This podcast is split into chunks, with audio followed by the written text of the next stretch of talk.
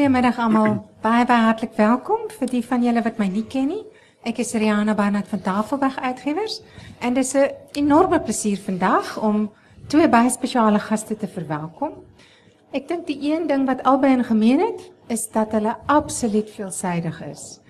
Bart de Graaf het gisteraand om 0.30 gearriveer uit Amsterdam. Heeltemal stokflou, maar ons het vir hom 'n glas wyn ingegee, so ek is seker hy's goed geolie vir die gesprek. Hy is historikus, hy's filmskrywer en hy was ook uh, vir 'n lang tydperk van 2004 tot 2012 hoofredakteur van die Maandblad Suid-Afrika.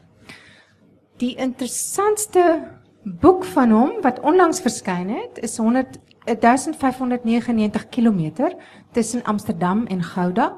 En Bart, as ek dit reg het, het jy ongeveer 5000 km in Suid-Afrika afgelê. Reg. Hy het um, vanaf sy 16de jaar groot belangstelling gehad in Suid-Afrika en in hierdie boek van hom gesels hy met baasvertellers van Gouda tot Amsterdam, van Delft tot Marken en van Haarlem tot Middelburg. En dan verwys ek na dorpe in Suid-Afrika, nie in Nederland nie. Hy woon self in die dorp Middelburg in Nederland. En Hans Du Plessis sal julle ook ken. Hy's 'n ou bekende. En ons het baie lief geraak vir hom. Hy's so veelsidig. Ek was verstom toe ek eers onlangs verneem het dat Hans 'n postdoktorale studie in linguistiek aan Harvard gedoen het en dat hy ook twee skryfskole in Iowa en Oklahoma gedoen het. Hans, dit was my groot verrassing. Ehm um, sy veelsidigheid sien 'n mens deur al die pryse wat hy gekry het onder meer vir tienertoneel, die ATKV Kinderboekprys en 'n erepenning van die Suid-Afrikaanse Akademie en dan ook die CBSA prys vir godsdienstige werk.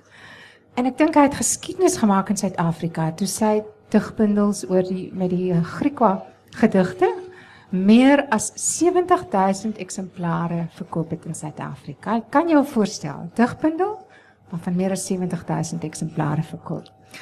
Al twee van hulle is baasvertellers, so ehm um, tot hier toe niks verder nie. Ons luister nou graag na Hans en Bert de Graaf in gesprek oor Hans se roman As die wind kom draai. Baie dankie Ria. Dankie Rihanna. Uh dames en here, ek sal hierdie onderhoud deels in my variëteit van Afrikaans doen. Uh, maar Hans is 'n kenner van variëteite van Afrikaans, so dit sal vir hom nie 'n probleem wees nie. En so elke nou en dan sal ek bietjie Hollands deurgooi. Hans, dit is 'n plesier. Ek begin nou in Hollands, né? Dit is 'n plesier om met je te praten over je nieuwste boek As die wind komt draaien.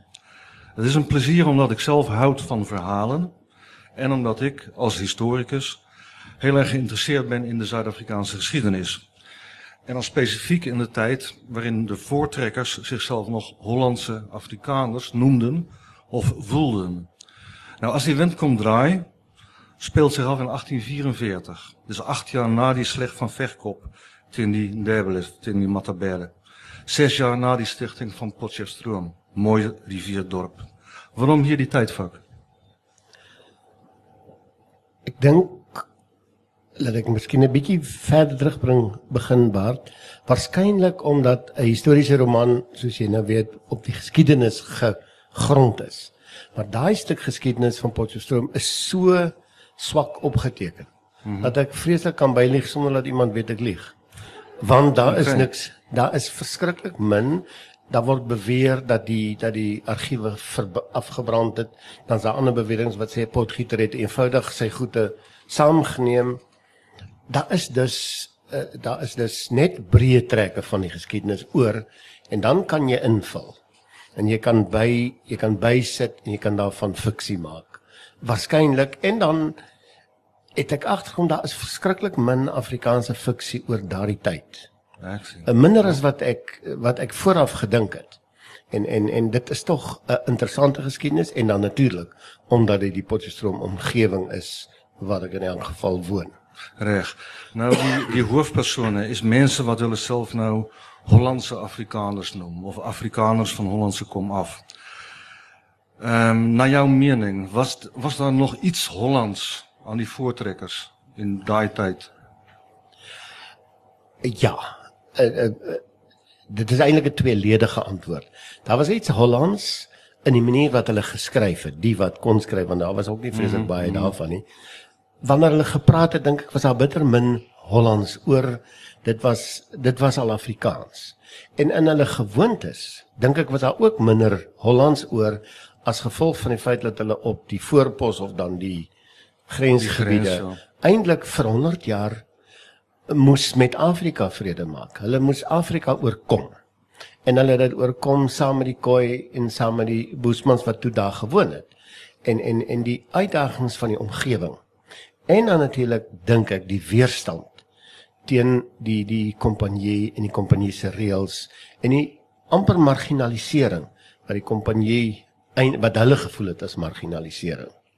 En ek ek dink dat dan minder Nederlands oorgebly as wat ons as wat ek altyd gedink het. So ons kan maar gerus die Hollandse weglaat eintlik. Ek sou die Hollands weglaat, ja. Okay. Behalwe wanneer hulle geskryf het. En nou goed, jy's nou beter weet as ek, dit was ook nie Hollands nie. Dit was het gedink dit was dit nie Hollands- baie goeie Hollands nie. Nee. Nee, ek ben as Dis jy na nogal waar. Trigard se dagboek kyk, Ek heb nog een voorbeeld daarvan later. as sal die- dit beter weet as ek, ja. Als die wind komt draaien, ehm, is al omschreven als een liefdesvertelling en als een pioniersverhaal. Is die story van die liefde van het, van het bruinman, vrijheid, zoon van een slavin, voor de wit pioniersdochter, Margriet Prinsloo. Nou, vrijheid wil een stukje grond hebben om te gaan boer, maar artikel 6 van die grondwet van die nieuwe republiek bepaalt dat basters niet burgergrond kan bezitten. Nou wil vrijheid, hij wil weten wat is nou een baster, want hij kent niet die woord niet. En die landros sê vir hom, 'n baster is maar net 'n onwettige kind. Nou die ander karakters in jou boek, het geen benul wat 'n baster is nie. Dwars deur die boek lyk dit of niemand weet wat wat 'n baster is nie. Kom ons kyk op bladsy 186 uh, 186 Laurens en Petronel Botha wat met vryheid op die plaas skuilhoek bly, praat met mekaar. Petronel vra vir Laurens, "Wat is 'n baster?" En Laurens sê, "Ek weet nie." Meester Roos, dis nou die Onnie, weet nie. Die landros weet nie en die kommandant weet nie. Niemand weet nie. Toe ek dit nou gelees het, was dit vir my 'n bietjie snaaks, want die woord baster was tos, was toe mos lankal bekend. En hier in die suide van Afrika was dit baie meer as net 'n onwettige kind. Dit was kinders van slawe en Khoigoin, kinders van witmense en slawe. En al in die 18de eeu en in die vroeë 19de eeu was daar baie bekende bastardfamilies soos die Kok-familie, die Berense familie. Die Franse reiziger Le Vaillant skryf in 1784 oor een Cornelis van der Westhuizen in die Kamiesberg distrik. En daai man het twee seuns gehad by 'n bruin vrou en die seuns het bekend gestaan as Klaas en Piet Baster. Nou sommige party van die Basters het na hulself verwys as swarthy Hollanders. Sien nou maar donker Hollanders. Ehm um, maar hulle het ook na hulself verwys as Basters en ander mense het denigrerende benamings gebruik soos geelbekke of streepkoppe. So hoekom het jy in jou boek gesê van hulle weet nie wat se Baster nie? My indruk as 'n mens oor die geskiedenis lees, is my indruk dat baster ook 'n woord is wat hulle gebruik het in 'n omstandigheid wat gepas het. Maar daar was nie 'n generiese verklaring van wat presies bedoel hulle nie. Want want die die die Nederlandse oorspronklike letterlike betekenis is dis 'n buiteegtelike kind. Ja, buiteegtelike kind. Maar die maar die werklike baster want daar was ook verskillende soorte basters. Daar was baster hottentotte en hottentot basters. ja. En uiteindelik as 'n mens daai artikel 6 van die 33 artikels lees, dan staan daar baster, maar nêrens in enige verwysing kon ek agterkom wat dit hulle bedoel met baster. Of dit iemand van gemengde afkoms is. Want as dit so is, en en dis dink ek uiteindelik wat die boek ook wil sê, as dit so is, dan is ons almal ergens op 'n skaal van bastergheid, die hele lot van ons in hierdie land. Mm, Jy weet ek ek is maar net bietjie Ja. minder baster as die volgende hou. En later het die woord baster 'n uh, baie meer negatiewe betekenis gehad as wat dit dink dit toegehad het. En dis waarskynlik sendelinge wat vir die basters as jy my eerlik nie hulle self basters noem nie. Maar dit was nie oor die algemeen Britse sendelinge wat wat baster dan dink ek anders verstaan het.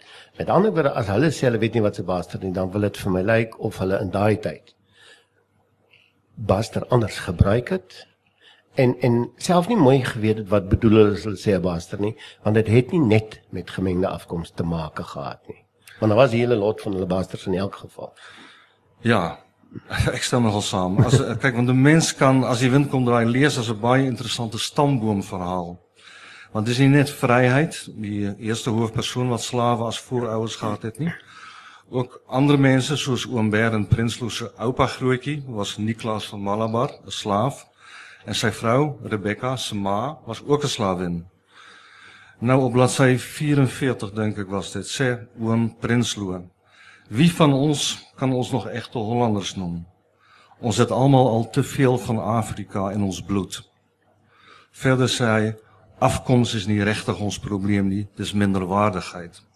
Ons trekkers stam almal uit die kompanjie se of soldate uit en dis ook nie nou juist die Rome van Amsterdam nie.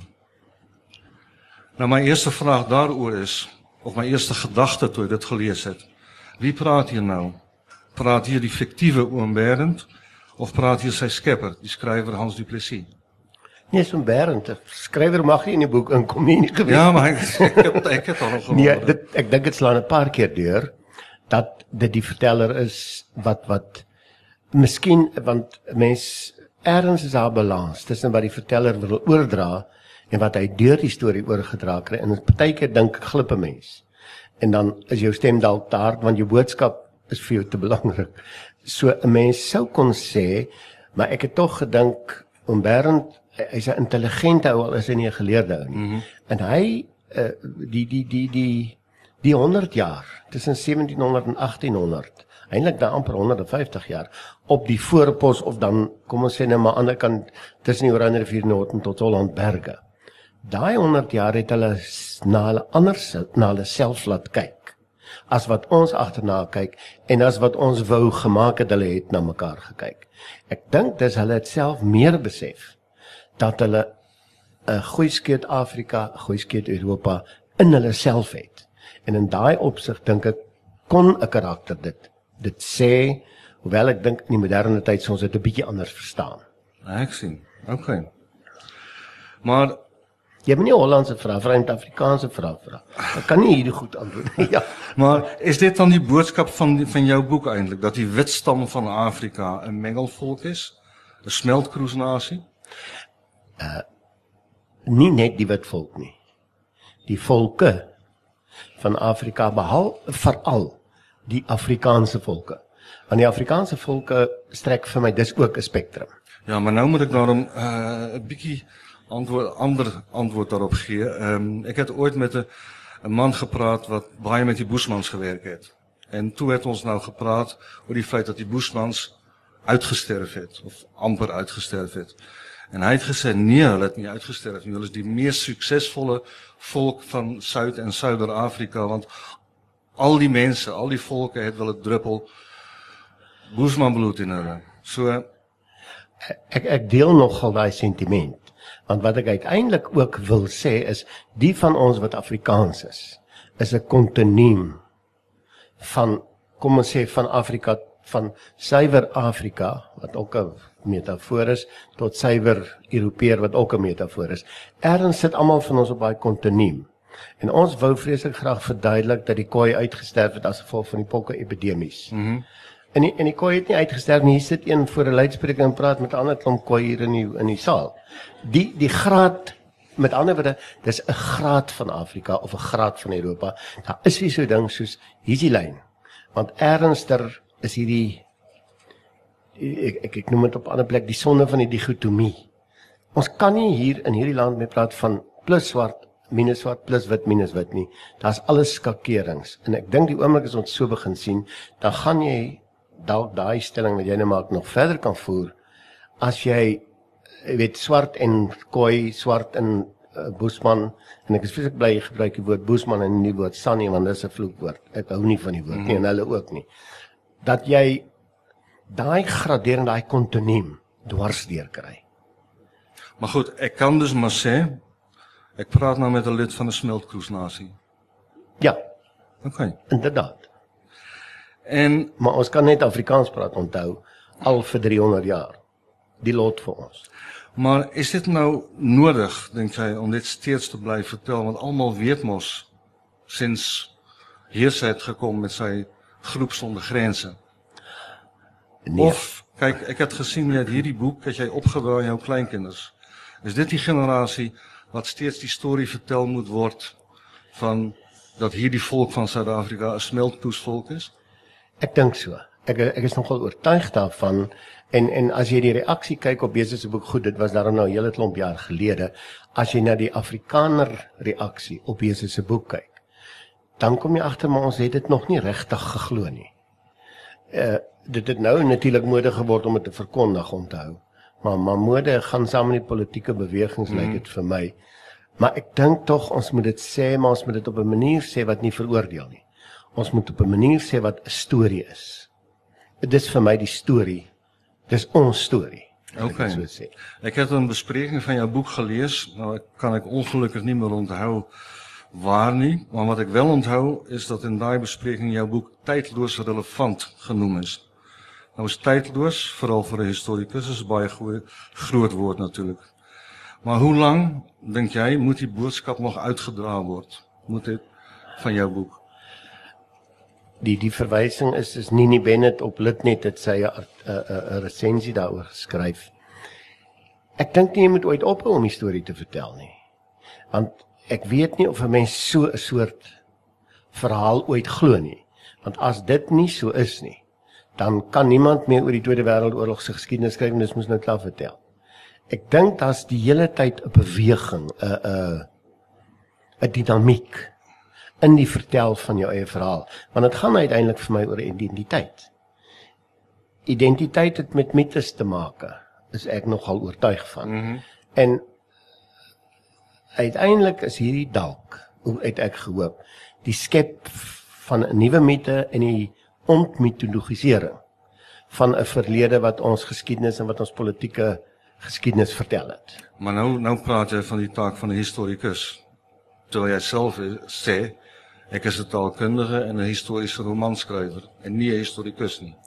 Ja, maar dan mag ek die geskiedenis vertel ja, ja, en jy mag nie. Van my mag jy. die historikus mag nie. Nee, ek ek dink dis dis 'n is 'n herinterpretasie van 'n stuk geskiedenis wat ons op skool jy weet my geslag mm -hmm. totaal anders geleer het. Omdat alles gekleur en ekskuus dit is nie veronderstel om 'n pan te wees nie, maar wat alles gekleur is deur 'n soort nasionalisme wat wat amper Duits is in die sin van suiwer, hierdie suiwer Afrikaner. En en dit is 'n mite. En en jy kan 'n mite op twee maniere breek. Jy kan hom of vernietig, uh, 'n uh, vyandige vernietiging daarvan, of jy kan hom van binne verander. En ek hoop 'n romans die is van 'n binne verander te verander. Uh, dis met ander woorde nie 'n 'n geskel op die ou geslag nie. Dis 'n herwaardering van 'n ouer geslag. Partykeer doen jy dit baie baie subtiel. Ehm um, het ek nog gedink want vryheid is nou 'n baster. Hy het homself die naam vryheid gegee. Hy weet nie wie sy pa was nie en dis hoekom hy nie 'n van het nie. Hy's net vryheid. Sy groot vriend is Lawrence Botha en Lawrence Botha is nou 'n wit man, die eienaar van die plaas Skuilhoek. Maar is dit bloot toevallig dat jy Lawrence daardie van gegee het? Nee, hoegenaamd nie. Verklaar. Uh, uh, Laurens Botha, Laurens in die roman is Laurens Erasmus Botha. My ma is 'n boot, my ouma was 'n Botha en my oupa was Laurens Erasmus Botha.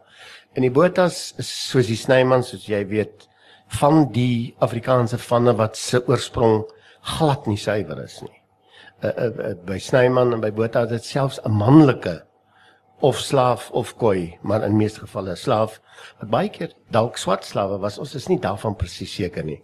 Maar ek het juis Botha gekies omdat suiwerheid dan ook 'n metafoor is. Eh, soos wat ek dink die boek wil sê, suiwerheid is in elk geval suiwerheid van 'n volk is 'n metafoor op sigself. Ja, want ek het dus 'n bietjie sommer klein bietjie navorsing gedoen en gekyk na die eerste Bothas hier in Suid-Afrika. En die eerste Bothas, ek moet nou net kyk waar dit dit geskryf. Die eerste Bothas in Suid-Afrika ehm um, Johannes Wilhelm en Jacobus was die buiteegtelike kinders van Friedrich Bot, Duitser, en Maria Kikkers wat op daai uh, tyd getroud was met 'n Hollander. So met ander woorde, ook die Botas was maar basters. Juis, juis. So dis hoekom ek bedoel jy het dit baie subtiel ingewerk in jou Ja, ek het nou nie gedink mense moet so goed navorsing doen lê die subtiliteit Ja, nee, agterkom. maar hulle het dit nou vir my gevra nee. Dit was nie 'n historikus wat veronderstel was om te leer. Nee, ek ek dink dis baie doelbewus juis om die die mite van die Afrikaner as rasse. wat dit wat dit lange van ons genoem die een enigste wit mens taal in Afrika. Jy moet daaraan breek, men moet daaraan van binne breek. Jy moet nie daaraan van buite breek. Vyandige breek is vir my nie 'n ontmetologisering nie. Mm. Jy maak net die mense kwaad. Nou hier die oomblik as jy goed begin lees en by die subtiliteit verbykom, dink ek kom die boodskap want jy begin deur te sê dis 'n liefdesverhaal. Ek het nogal redelik spesifiek die patroon van 'n regte jy weet romance van 'n romanse. Mm -hmm. Ek het so 'n liefdesverhaal in die oppervlakte probeer skryf. Die die mense wat liefdesverhale ken en dit kan skryf sê ek sal nooit 'n liefdesverhaal kan skryf nie. Dis waarskynlik waar maar ek ken die praktyk gelukkig. So Ja. die die die die eerste indruk moet wees hier's 'n liefdesverhaal. En dan hoop ek daar's meer diepte.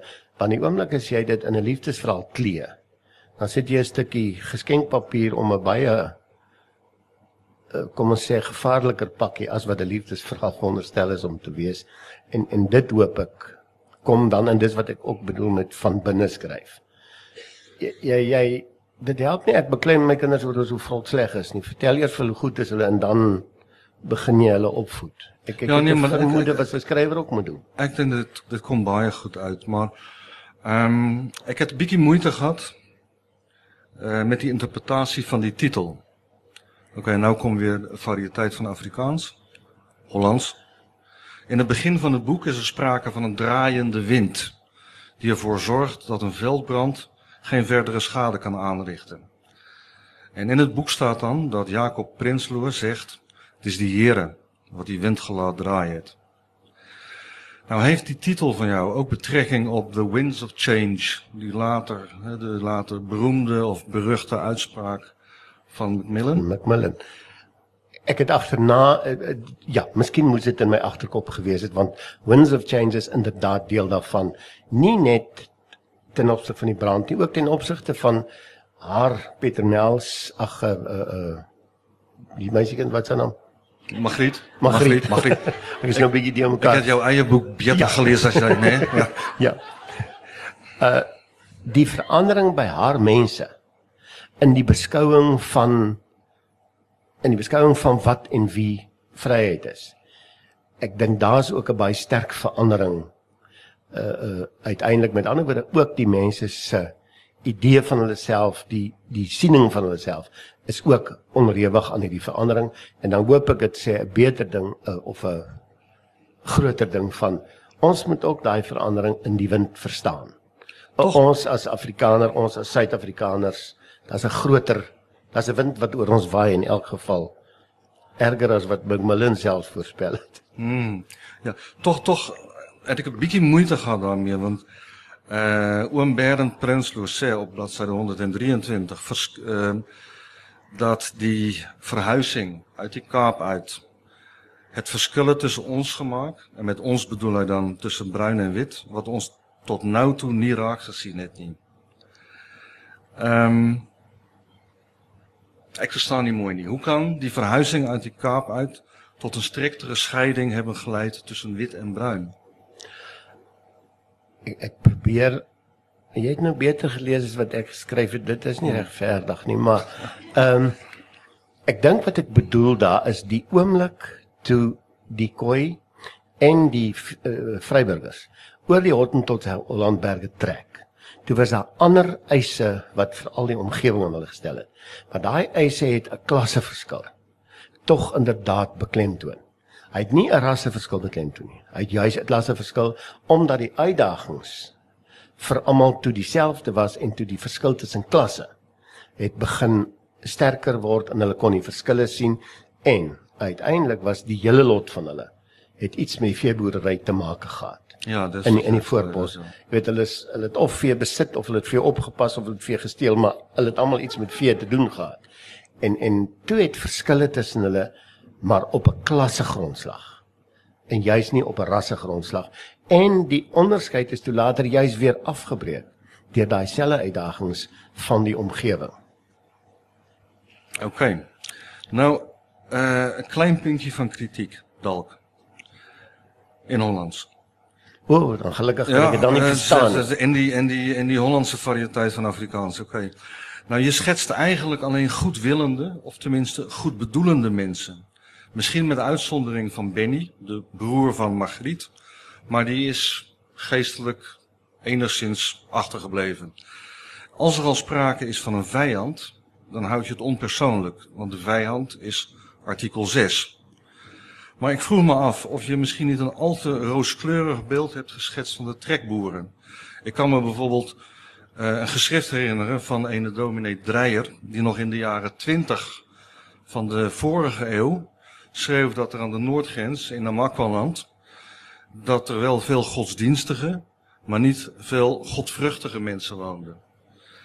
En gold dat ook niet in de tijd waarover jij schrijft. Hulle was, die pioniers, was Thijs Riemen. En in Holland het wel in die tijd gepraat van de harde boer van het Kaapgewest. Zo is dit niet een bikkie mythologisering in die kleine wat jij hier maakt. Ja, maar die, die aanhalings is ook 'n ander soort stereotypering. 'n Stereotypering van buitestanders uit uit tyd vir alles jy byvoorbeeld die die Britse reisigers se tekening van die ja van die voortrekker lees, dan kom jy agter dat daar ook 'n stereotypering is. En ek ek ek weet nie hoe nie, maar erns moet ons 'n duideliker onderskeid tref tussen trekboere en voortrekkers die die die trekboere was was was nie gedwing om te trek op dieselfde manier as wat die voortrekkers. Mm. Nou goed, later raak hulle ook so vermeng dat jy regtig nie meer weet wie's wie nie. Want die trekboere het het vroeër en om ander redes getrek en hulle was 'n bietjie 'n willerklomp as wat die nou ja, met net nie voorbeeld maar as wat die ander historiese was. En en selfs iemand soos Potgieter dink ek daai stereotipering het hulle nie so goed gepas nie en dis ook 'n stereotipering wat ek probeer afbreek veral deur die inkom van meester en en Lourens en in in Petronel in vryheid. Sien onnoosel nie. Jy weet met ander woorde daar was tog 'n 'n gedeelte, 'n intellektuele deel in onder die voortrekkers. Anders sou Trigard nooit 'n boek geskryf het nie, want mm. Trigard se dagboek as jy hom lees, kom jy agter maar hy was nie onnoosel nie. En hy het 'n humorsin gehad wat skrik vir niks Trigard. Mm. En baie van die goed wat ek sê kom uit Trigard want ek dink ons het Trigard nog nie genoeg gelees nie. As jy nou praat van stereotypering, né? Ehm um, jou karakters in die boek praat van die matjies goed mense in die Kaap. Ek het nie daai woord geken nie. Ek weet daar is matjies hutte en daar's nama uh, namas wat matjies hutte maak, maar die woord matjies goed mense het ek nie geken nie en ek kon dit ook nie in 'n woordeboek kry nie. Ehm um, is dit politiek korrek? Is dit 'n nuwe woord of het jy dit uh, nou self gemaak? Ja, ek het ook nie die woord geken nie, ek het hom gemaak. Okay. Omdat ek konsekwent probeer wegbly dwarsdeur van 'n uh, 'n stereotiperende naam van 'n volksgroep. En Maatjies goed was vir my amper 'n voor die hand liggende beskrywing van die koi mense sonder om die sonder om die term te gebruik. Want as ek die term gebruik koi of wat ook al, dan is daar 'n stereotipering outomaties. En daarom het ek gedink maatjies goed mense is in die eerste plek dan nie so stereotiperend nie en in tweede plek jy kan nie as jy Afrikaner is sê maar my oupa was koi nie. Maar ek kan sê hy is een van die maatjies goed mense. Dit klink aan vir my baie makliker. Maar weet, ek het ek het liewer sy oupa wat maatjies goed oom was as wat hy 'n koi was.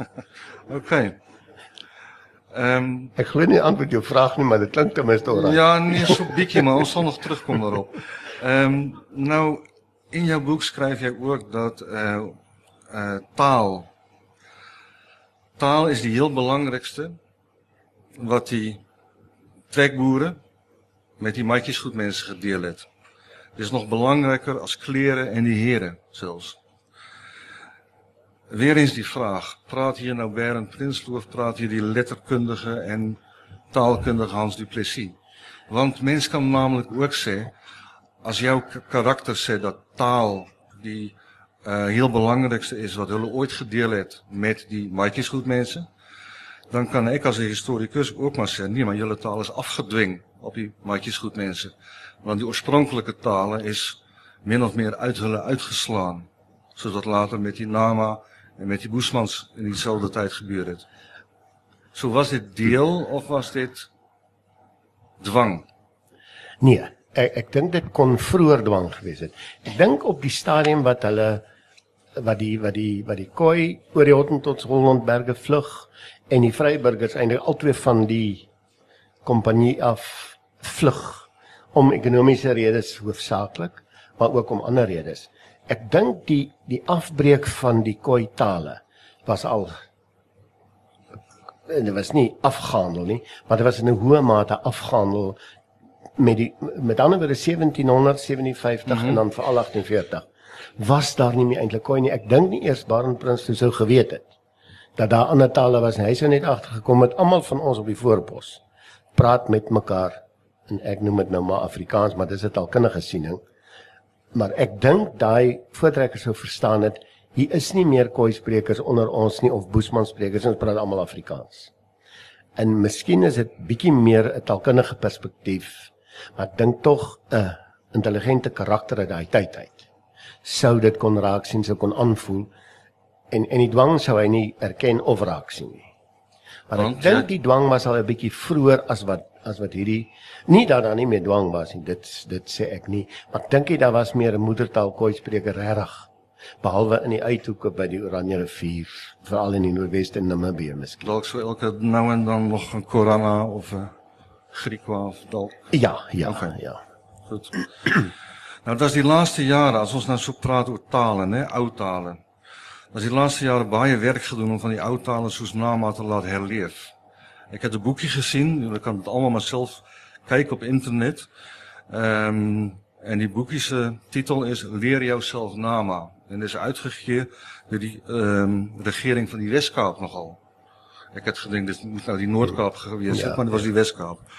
Maar dit was tot nou toe nie baie suksesvol nie. Hulle het in uh in die Rigtersveld het hulle uh klasse gegee in Nama vir 3 jaar en daarna het hulle dit gestop. Wat dink jy, kan daai ou tale ooit herleef of moet dit maar gelos word? Dit gaan ek dink dit gaan soos Latyn as antiquare tale oorleef, maar dat hy ooit weer 'n spreektaal gaan word, twyfel ek omdat daar daar is te min moedertaalsprekers daarvan oor. Die mense byvoorbeeld in Appington se ou tannie, 'n 'n 'n 'n Boesman tannie, wat hulle weer Boesman leer. Maar sy leer dit vir die kinders, maar dan is dit meer 'n kuriositeit. Ja. En 'n nuwe is 'n soort volksontwaking waaroor ek baie bly is. Maar of dit regtig ek weet in elk geval nie in een geslag die kinders gaan leer om nou koi te praat nie om 'n eenvoudige rede die funksie die die die monetêre waarde van koi of san, enig van die koi tale of die san tale, is niks. Maar daar's 200 000 mense in Namibië wat nog Nama praat. Ja, maar dit is nie noodwendig in die meeste gevalle hulle eerste taal nie. Hulle eerste taal is Afrikaans in die okay. meeste gevalle. Vir veral die en as jy met mense byvoorbeeld Damaral dan toe gaan, Damaral kan hulle nog almal praat, maar dis nie dis nie 'n taal wat vir hulle enige monetêre voordeel gee nie. Met ander woorde dis nie 'n hoë funksietaal nie, dis 'n lae funksietaal. En in die oomblik as dit 'n lae funksietaal is, weet ek nie of hy ooit gaan herleef op dieselfde manier nie. Want jy weet ons bestudeer Oud-Noors, maar jy kan met Oud-Noors, en miskien in IJsland iets doen, maar jy kan nie ja, hier daarmee doen. Gaat, ja. OK. Terug naar Nederland. We hebben aan het begin van dit gesprek er even heel kort gehad over de band met Nederland. Toen ik vroeg van was er nog iets Hollands aan de voortrekkers. Nou, in je boek speelt meester Joachim Roos een kleine, maar zeer belangrijke rol. Hij blijkt namelijk uiteindelijk, nee, dat zal ik, ja, hij blijkt uiteindelijk de biologische vader van vrijheid te zijn. Nu heb ik meteen je plot verklapt, sorry. Um, Mr. Roos, is hij een Hollandse Onnie of een Afrikaner die in Holland gestudeerd heeft? Hij is Afrikaner wat in Holland gestudeerd heeft. Oké. Nou, op bladzijde 2, 102, sorry, komt een karakter voor, Bijbelkiestijn. Die wil naar, Hol wil naar Holland om predikant te gaan worden. En zijn moeder, Tanstini, zegt op de vraag of hij dan niet naar de Kaap moet. Nee wat, hij moet Amsterdam toe. Hij is niet iemand voor half geleerd niet. Ik heb lekker gelachen toen ik dit gehoord heb natuurlijk. Ik zou zo denken, ja. ja. Um, en het deed me denken aan een opmerkelijk voorval dat zich afspeelde ongeveer tien jaar na jouw verhaal over Schuilhoek. Ik haal nou aan uit een geschiedenisboek. Die burgers hou 'n byeenkoms. Een van hulle hou 'n warme aanspraak om aan te toon hoe die Hollanders die oorsaak is van al die oneenigheid in die land. En aan die eind stel hy voor om geld bymekaar te maak en 'n skip te huur en al die Hollanders terug te stuur na hulle land toe. Die voorstel vind, vind algemene byval en sou seker deur gegaan het. Maar een van die boere sê ek is dit ook eens dat ons hulle liewers moet wegstuur. Maar wie sal dan vir ons skryf? Nou in je boek komen en dat vind ik wel jammer, geen parmantige, weterweterige Hollanders voor. Voor de plot van het verhaal is het ook niet nodig, hè, binnen het raamwerk. Maar is het dalk een idee voor een van jouw volgende boeken? Kunnen we misschien in de nabije toekomst een roman van je verwachten waarin de toch wat moeizame verhoudingen tussen Nederlanders en Afrikaners in de Zuid-Afrikaanse Republiek uh, centraal staan? Nee, dan sal ek moet skryf in die apartheidjare want dit ons hulle goed genoeg ja, gehad om daaroor te praat. Toe was dit nog 'n bietjie getableerder, ja. Uh, dit het my nog nooit, ek het nog nooit daaraan gedink en nou dat jy dit sê, besef ek ja, dis uh want uh, uh, selfs met die Bybelvertaling in Afrikaans hier in die 30 20 30er jare was was uh, Nederlands die intellektuele taal. En en wat soos die oom gesê het, maar as Adam en Eva in die paradys Nederlands kon gepraat het, wat wil hulle dit in Afrikaans vertaal? Nee. Daai idee, en daai idee het jy byvoorbeeld in die suide van Namibië rondom 1800 toe die toe die uh, Duitse sendinge veral die Bybel in Koi wou vir dan een van die Namatale wou vertaal. Toe een van die Nama kapteins, ek dink dit was Hendrik Witbooi, ek kan nou nie onthou nie, het toe gesê maar julle kan nie dit in daai taal vertaal nie. Ons moet die Bybel in Nederlands lees want die Here sal nie ek, ek dink die Here kan ook nie baie baie klapklanke maak waarskynlik nie dit is ja, waarskynlik nie ja. maar ek ek met ander woorde die beskouing van Nederlands as die dis is ons in Engels ek hoef nie Engels nie maar ons hou nie baie van die Engels nie maar ons vrek oor Engels jy weet want as ons praat praat ons Engels al praat twee Afrikaners met mekaar op 'n op 'n kultuurorganisasie en praat hulle eers Engels Skander. dit is 'n vrees dankie dat jy dit sê ja. maar ek dink die beskouing van Nederlands as die taal vir kom ons sê die die toegang tot internasionale verkeer was toe baie sterker. En waarskynlik uh, uh, sou uh, en hulle sou het in Nederlands van die oomblik hulle geskryf het het hulle Nederlands geskryf. Goed Nederlands probeer skryf as jy na Trigat kyk dan kan jy ek meen Trigat se Nederlands is vrotter as myne uh, sy Afrikaans op maar toe maar maar die die die die die tussen tussen die twee dink ek is baie erg. Maar ek ek dink die die beskouing van Nederlanders is iets anders as die beskouing van Nederlands. Ja ja reg. Ja okay, so. ek sien. Nou as die wind kom draai is nie die einde van die storie van vryheid en Magriet Prinsloo nie. So sal hulle vermoed ek nog baie moet sukkel om my eie plaas te kry. Op die laaste bladsy se vryheid naamlik, ek gaan nie my hand onder enige landdrose gat hou nie. Nie eens vir 'n stukkie grond. En Magriet sê, ons het ons eie grond buite die berge. Toe het ek gedink, oké, okay, ek is nou baie nuuskierig na die res van die storie. So die oorspronklike vraag wat ek nou wou vra het, wanneer kan ons dit lees in jou volgende boek?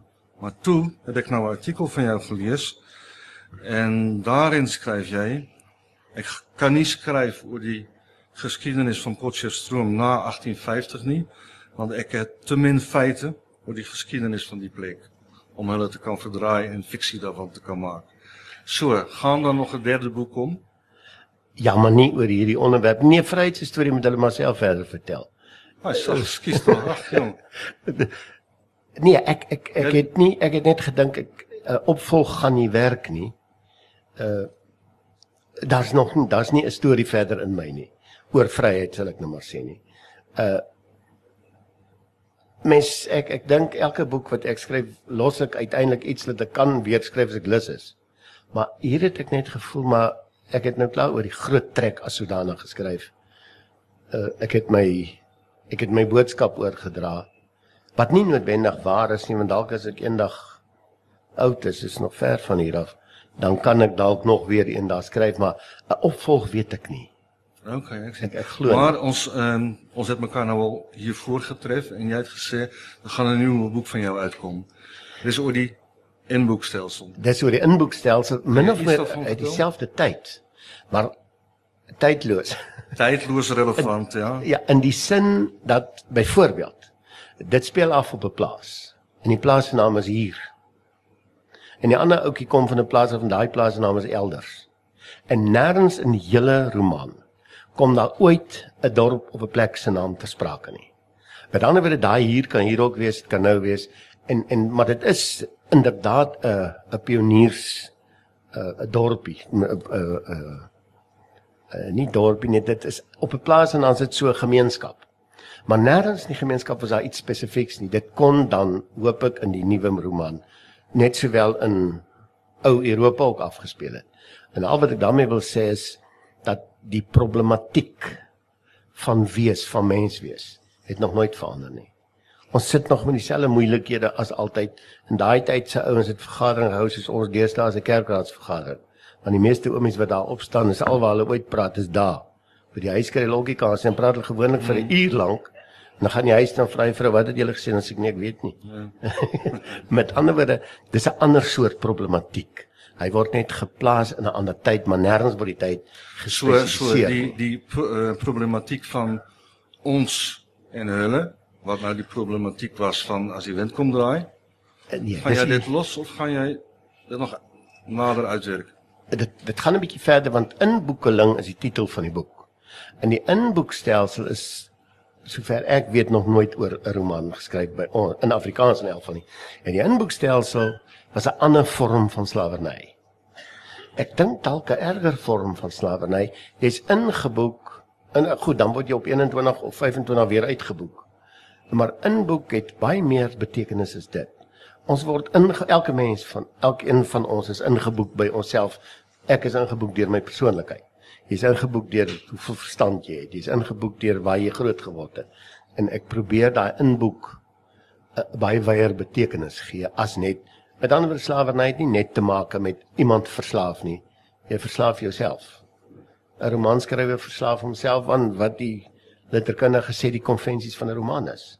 En ek probeer uit daai uit die inboekstelsel kom, ook wat romanskryf betref. Of ek geslag Rihanna moet sê sy sal beter weet as ek. Mm. Die uitgewers het dit gevat soos dis reg hy. Okay, dan moet Hy dit kom reg wees. Augustus, so dan moet dit reg wees, ja. Hans, ehm um, ek het geniet van ons uh, geselsie. Ek het geniet van die boek. Ek's baie jammer dan gaan jy vervolg kom op die storie van eh uh, Vryheid en Magritte. Maar ek kyk baie uit na jou nuwe inboekeling. Baie dankie. Baie dankie Bart en baie dankie vir die Plezier. moeite en vir die goed lees van die boek. Dit is Dankie. wonderlik om met jou te gepraat. Baie dankie.